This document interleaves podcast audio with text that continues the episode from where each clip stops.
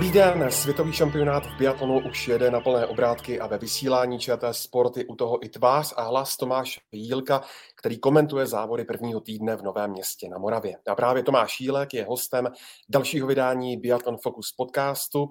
Tomáši, ahoj. Ahoj, hezký den. Od mikrofonu zdraví Ondřej Nováček. Z tábora rovnou do Vysočina arény. Zajímá mě na úvod, Tomáši, jaké to je takhle rychle vlastně přešaltovat z cyklokrosu na biatlon. No je to pro mě novinka. Já jsem poprvé tady v Novém městě vlastně v zimním období, i když tomu počasí moc nenasvědčuje. Vlastně v minulosti jsem tady vždycky byl trošku v jiné části sezóny, takže marně jsem tady při příjezdu hledal nějaké bikery.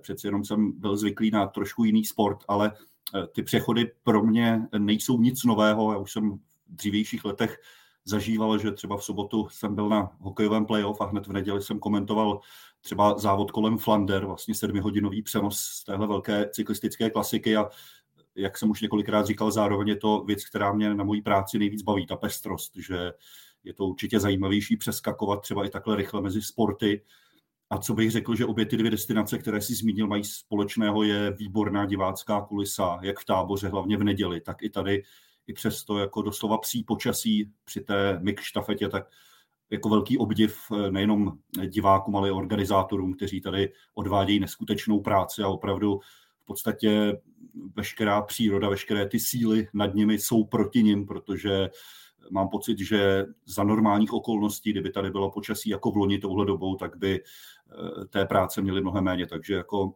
klobouk dolů jak před nimi, tak před diváky.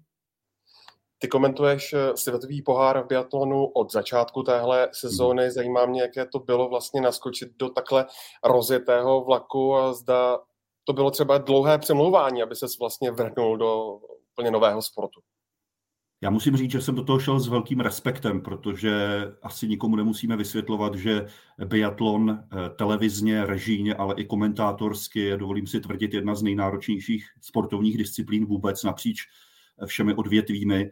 Eh, ale zároveň, a to s tím souvisí, to, co už jsem zmínil, je ta jeho neobyčejná pestrost. To znamená, je to sport, který vás nikdy nenudí, který vždycky přináší nové momenty, nové zápletky, nové situace a já, když jsem do toho sportu vstupoval, tak osobně jsem si to hodně připodobňoval třeba k dráhové cyklistice, se kterou mám samozřejmě mnohem větší zkušenosti a kde se vám také v rychlém sledu střídají různé disciplíny, různého eh, typu zaměření, strategie, vlastně taktiky. Takže byla to velká výzva, ale zároveň úplně upřímně říkám, že a teď nechci jmenovat, by se našly sporty, do kterých bych šel asi z menší chutí, protože nejsou třeba obecně, ale nebo z mého pohledu tolik eh, pestré, atraktivní a zajímavé. Takže já mám rád, když ten sport i toho komentátora je schopen každou chvíli překvapit nějakým novým momentem a člověk se samozřejmě učí tím spíš, že pro mě je to vlastně první sezóna. Ale co byl ještě jeden z poznatků, který jsem hned jako tak osobně získal, přestože moje první disciplína, kterou jsem komentoval, eh, byla štafeta, tak eh, upřímně, jak to rychle uteče. Prostě pro mě trošku ty obavy z toho, že to je závod, který trvá hodinu 20, absolutně se rozplynuly a asi je to spojeno s tím, že mám zkušenost, eh, já nevím, se sedmihodinovými cyklistickými přenosy nebo jsem v uvozovkách rekordmanem v nejdelším zápase play-off loni eh, mezi Hradcem a Vítkovicemi, takže musím říct, že pro mě zatím biatlon je sprint, každá disciplína, nejenom když se opravdu sprintem jmenuje. No a zajímá mě, co na tom vlastně bylo nejtěžší, když si do toho naskakoval. Nasát ten background, naučit se třeba hmm. všechna zásadní jména biatonového pelotonu nebo zajít zákonitosti všech disciplín, jak jsi to měl? Eh, tak první problém byl pokusit se ze svého slovníku vyřadit eh, eh, pojmy, které mám spojeny s jinými, jinými sporty, ale samozřejmě mi tam občas naskočily, takže jsem mluvil o nejlepším jezdci do 25 let, jo, to člověk prostě to má v hlavě a hned hned mu tam naskočí bílý dres tady Pogačara, takže to, toho se člověk jako musí nějak postupně zbavit. Ale co pro mě byla největší výzva, a myslím si, že je to pro každého, kdo by do tohoto sportu naskočil, je takzvaně si osahat ten velmi dobrý infosystém, který tenhle sport má, protože eh, každý systém, který je velmi propracovaný a pomáhá tomu komentátorovi, zároveň je potřeba se ho naučit. To znamená používat ho efektivně v tom časovém presu toho přímého přenosu, a naučit se opravdu vědět, kam takzvaně sáhnout, aby člověk ty informace nehledal příliš dlouho. Takže eh, tenhle sport, musím říct, tedy klobouk dolů má velmi dobře propracované to propojení historických výsledků, aktuálních statistik, okamžité analýzy vlastně třeba rychlosti střelby, eh, času eh, jednotlivých úseků, ale musíte se naučit opravdu vědět, kam v uvozovkách, do které přihrádky, v kterou chvíli sáhnout. Ale v tomhle jsem zjistil, že je obrovský přínos eh, zkušených expertů, ať už Ivana Masaříka nebo Romana Dostála nebo dalších, kteří právě tenhle systém ovládají naprosto skvěle a vlastně ta jejich role eh, expertů v tomhle sportu jsem zjistil je úplně jiná než třeba v hokeji, kde od nich spíš očekávám eh, glosy vycházející z jejich zkušenosti s tím sportem, což je samozřejmě i tady, ale zároveň oni jsou těmi analytiky, kteří umí s těmi čísly dobře pracovat a umí je použít správně, protože zase nemůžeme lidi v žádném sportu diváky zahltit příliš velkým počtem čísel. Takže ten můj základní dojem z té první necelé sezóny je ten, že není to sport, kde by komentátor musel mít tak detailní přípravu dopředu, to znamená eh, ve sprintu, který se dnes pojede, opravdu není moc času vyprávět o tom, eh, jaké jsou koníčky Žistým Bresazové a jako, co dělala, když byla malá holka, což v cyklistice prostě toho času je spousta, ale je to opravdu o tom, což je podle mě obecně základní úkol komentátora, eh, držet toho diváka v tom ději, aby se v něm nestratil a aby byl jakýmsi průvodcem, který mu pomůže vlastně se orientovat v tom ději, který se tam odehrává. No. Takže já jsem hned v té první sezóně zjistil, že jak velmi odlišné jsou ty jednotlivé biatlonové disciplíny, že úplně jinak se komentuje sprint, jinak eh, štafeta, jinak vytrvalostní závod. A z mého pohledu zatím jako jednoznačně nejzábavnější pro mě i jako komentátora jsou stíhačky. No, to musím říct, že ty, které jsem komentoval, to je jako radost i pro toho komentátora, když se jako stane součástí toho dramatu, toho závodu. Jo, utíká to rychle a pořád se něco děje, to je pravda. Když si hovořil Tomáši o té přípravě, tak dá se kvantifikovat, jak dlouho ti třeba zavere na jeden konkrétní závod?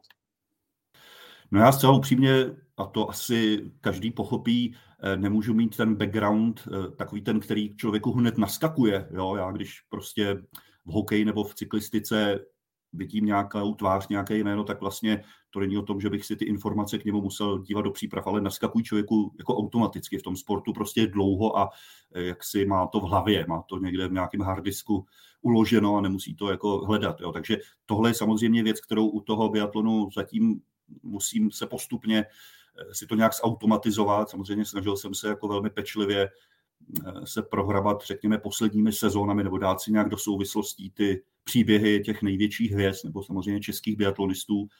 Já už jsem to říkal, když jsem naskakoval upřímně, že pro mě ten jako vrchol toho, toho sledování toho sportu byl trošku jako už víc zpátky, jo, jako kolem Soči 2014 a řekněme potom to období té zlaté éry, řekněme, českého biatlonu, takže nebylo to jako jednoduchý.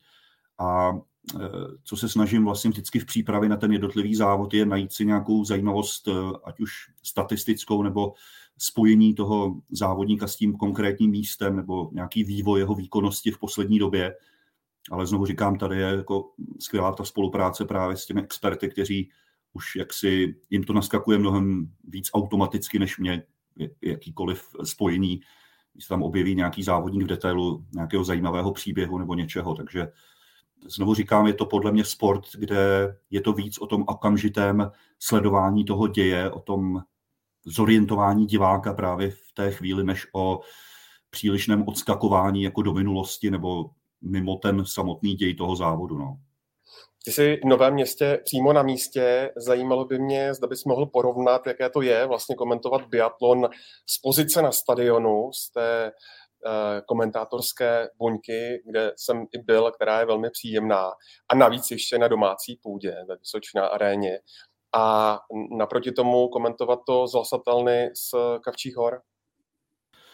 No jako velmi rychle jsem zjistil, že to je velký rozdíl, protože vás v dobrém rozptiluje právě to, co můžete vidět mimo ty monitory. To znamená, máte tam mnohem víc jako výjemů, které k vám současně jdou, takže je to víc o kombinaci, tak jako jsem zvyklý z hokeje, dívat se přímo na ten děj a potom sledovat to, co se režisér vlastně nabízí na monitorech, ať už jsou to opakovačky. My tady navíc musím říct, stejně jako třeba v táboře na cyklokrosu máme vlastně kamery, které se více zaměřují na české závodníky. To znamená, že český divák vidí v některých chvílích trošku jiné záběry než v, té, v tom mezinárodním signálu, což je samozřejmě dobře, protože více akcentujeme tu českou stopu takže samozřejmě tak, jako jsme v táboře mnohem víc měli detailu Michala Boroše se Zdenkem Štybarem, tak tady taky eh, se snažíme vlastně opravdu maximálně sledovat ten výkon českých závodníků. No. Takže pro mě ve středu při té mix štafetě to bylo hodně o tom naučit se právě sladit to, kdy se člověk dívá přímo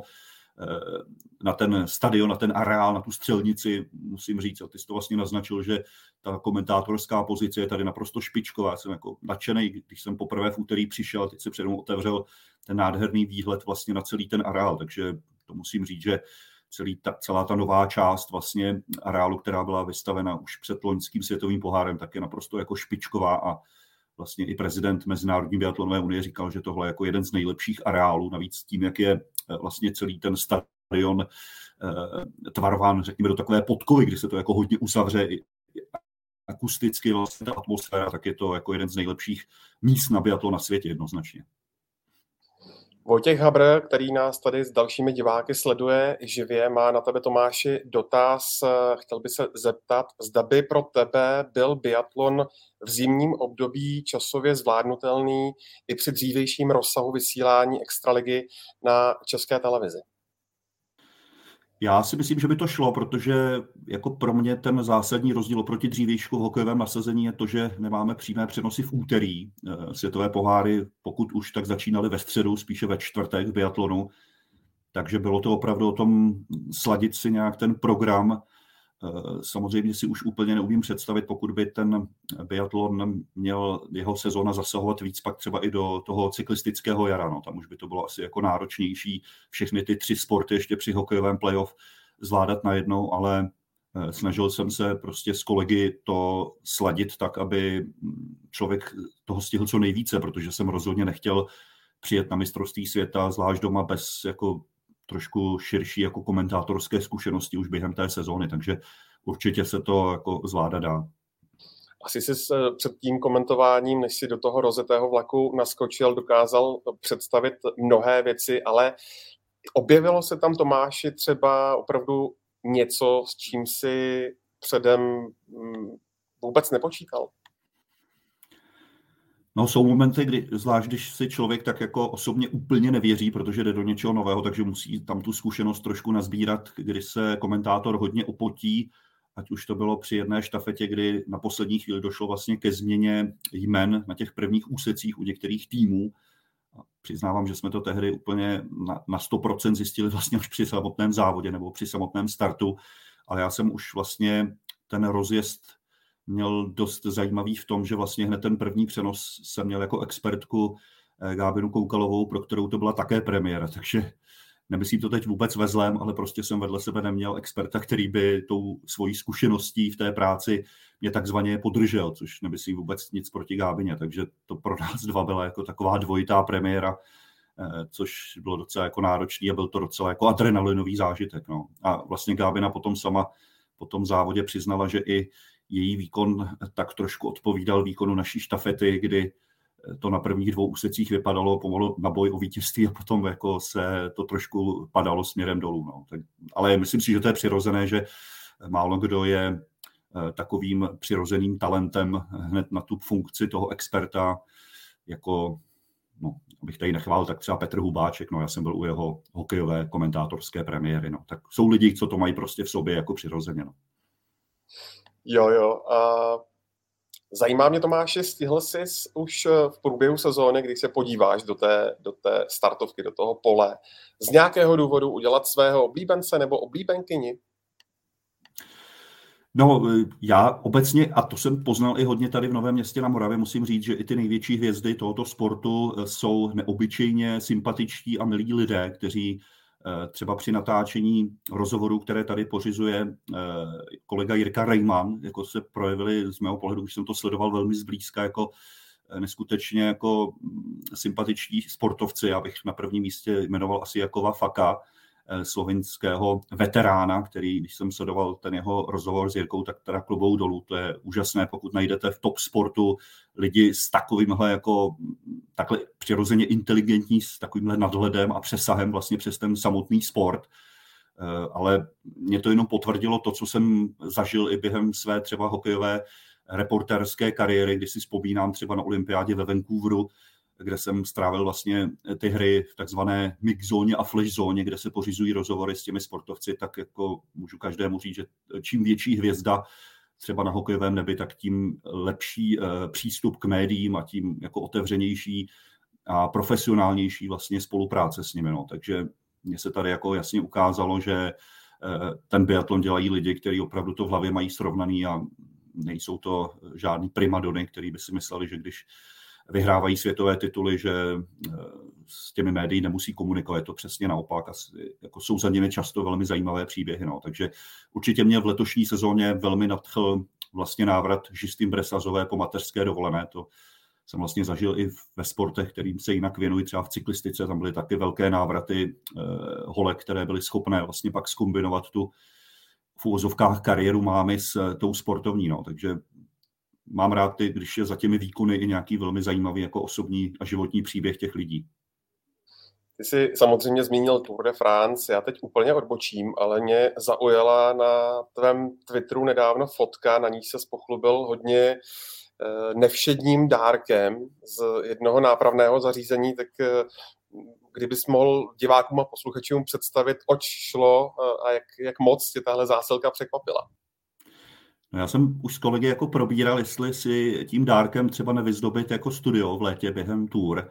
Zároveň nás napadlo, jestli jako by bylo dobrý až moc to zveřejňovat, protože doufáme, že bychom tím jako neudělali nějaký problém eh, zaměstnancům toho nejmenovaného zařízení, odkud to přišlo, ale jednalo se jako, nebo jedná se o úplně neuvěřitelnou, jako bych řekl, doslova uměleckou dřevařskou práci, vlastně taková eh, kazeta dřevěná, která na jako vršku je vygravírováno, nebo nevím, jakým stylem vlastně to klasické logo Tour de France, no, takže to bylo jako neuvěřitelný, co člověk může jako dostat vlastně za, za dárek a je vidět, nebo jsem za to rád, kde všude jako ty naše přenosy jsou jako velmi pozorně sledovány. No, tam mimochodem m, mm, u toho dárku ještě byl asi pětistránkový dopis, že zároveň vevnitř ještě měl být další dárek ze dřeva, který se bohužel při té výrobě jako rozlomil, takže ten mi prý snad dorazí později, no tak věřím, že se to stihne ještě před letošní tour.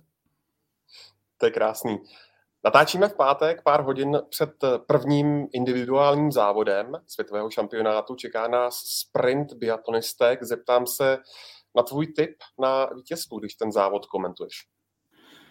No, já jsem nad tím hodně přemýšlel a byl jsem až překvapen tím, že tenhle sport zas tak dlouho nesleduji, jak vlastně v uvozovkách na své poměry špatné výsledky ve sprintech má dáma, eh, kterou bych rozhodně vyhlásil jako hvězdu té mix štafety, a to je Julia Simonová, která finišovala za francouzský tým. Ono by se na jeden pohled mohlo zdát, že ona vlastně jenom hájila to, co už ti její předchůdci a předchůdkyně jako vybojovali, ale ona vlastně i na takové hvězdy, jako je Tantrevoldová a další, které proti ní jeli, ten poslední úsek získala výrazný náskok. Vlastně ještě vylepšila eh, tu, to francouzské vítězství a eh, vlastně, když jsem se díval, tak jejím maximem ve sprintu na mistrovství světa je loňské desáté místo, takže jako eh, jsem byl až překvapený, že v, tom, v téhle disciplíně nemá jako nějaký výraznější úspěch.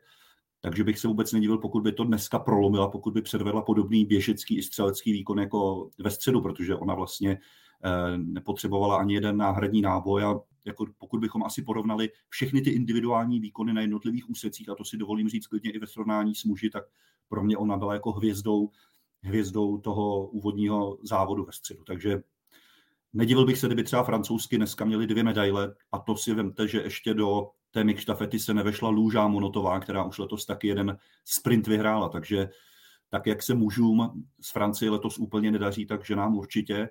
No a asi její hlavní soupeřkou, když už tady mluvíme o Simonovi, by měla být její kránka Bresazová a také Ingrid Andrevoldová, která letos taky vyhrála dva sprinty, takže z tohohle pohledu je to, řekl bych, takový norsko-francouzský souboj očekávám, ale na druhou stranu v každém roce se téměř stane, že v tom sprintu té disciplína, kde vždycky vyskočí nějaké velké překvapení, závodník nebo závodnice, která třeba celý rok ve světovém poháru dojížděla 30. a pak najednou na mistrovství světa skočí do top desítky, takže to možná trošku i naznačuje, že by nebylo špatné, kdybychom tohle dnes zažili z českého pohledu. Přesně tak a tím eh, můžu navázat na svoji poslední otázku. Ty tady v Novém městě komentuješ do neděle na tu druhou polovinu šampionátu tě vystřídá kolega z České televize Michal Dimitrov, ale ještě pořád si neměl to štěstí komentovat eh, českou biatlonovou medaili, tak hmm. Eh, mě zajímá, zda jsi v tomhle směru optimista směrem k těm dalším závodům tady v Novém městě. No jednoznačně, protože co si budeme povídat, biatlon je sport, kde nějaká dlouhodobá forma nemusí vždycky tolik znamenat, no, že prostě to ten den, jeden den jde, sedne někomu a prostě bude střelecká muška, prostě liže pojedou, asi diváci zaznamenali, že naši reprezentanti úplně si tady nepochvalovali ani liže vlastně v té středeční štafetě, takže věřím, že v těch hodně těžko odhadnutelných podmínkách se, se tohle vylepší i do, do těch dalších dnů, ale musím říct, že i pro servismany je to tedy asi neuvěřitelně těžký šampionát vzhledem k těm podmínkám, které tady jsou a kdy vlastně včera tady zase skoro celý den pršelo, nebo den předtím to bylo trošku i v kombinaci se sněhem, takže eh, je mi jasné, že i z tohle pohledu je to jako velká loterie. No. A jak, jak jsi se vlastně ptal, tak ještě bych jenom se obloukem vrátil k tomu, jak se eh, vlastně plánuje to nasazení, že jsem rád, že nám to s Michalem letos tak pěkně vyšlo, že jeho děti mají jarní prázdniny tenhle týden a ty moje příští, takže je vidět, že i takhle se dá nasazení velkých akcí jako velmi hezky zvládnout. No. To byl Tomáš Jílek. Tomáši, moc krát děkuji za tvůj čas a při komentování zlom vás. Díky, já věřím, že naše diváky více než ta středeční štafeta pobaví ty další závody. Díky. To je z Biathlon Focus podcastu všechno. Vám, milí posluchači, připomínám, že všechny podcasty najdete na webu čtsport.cz a biatlonové vysílání samozřejmě pokračuje na programu ČT Sport. Mějte se krásně.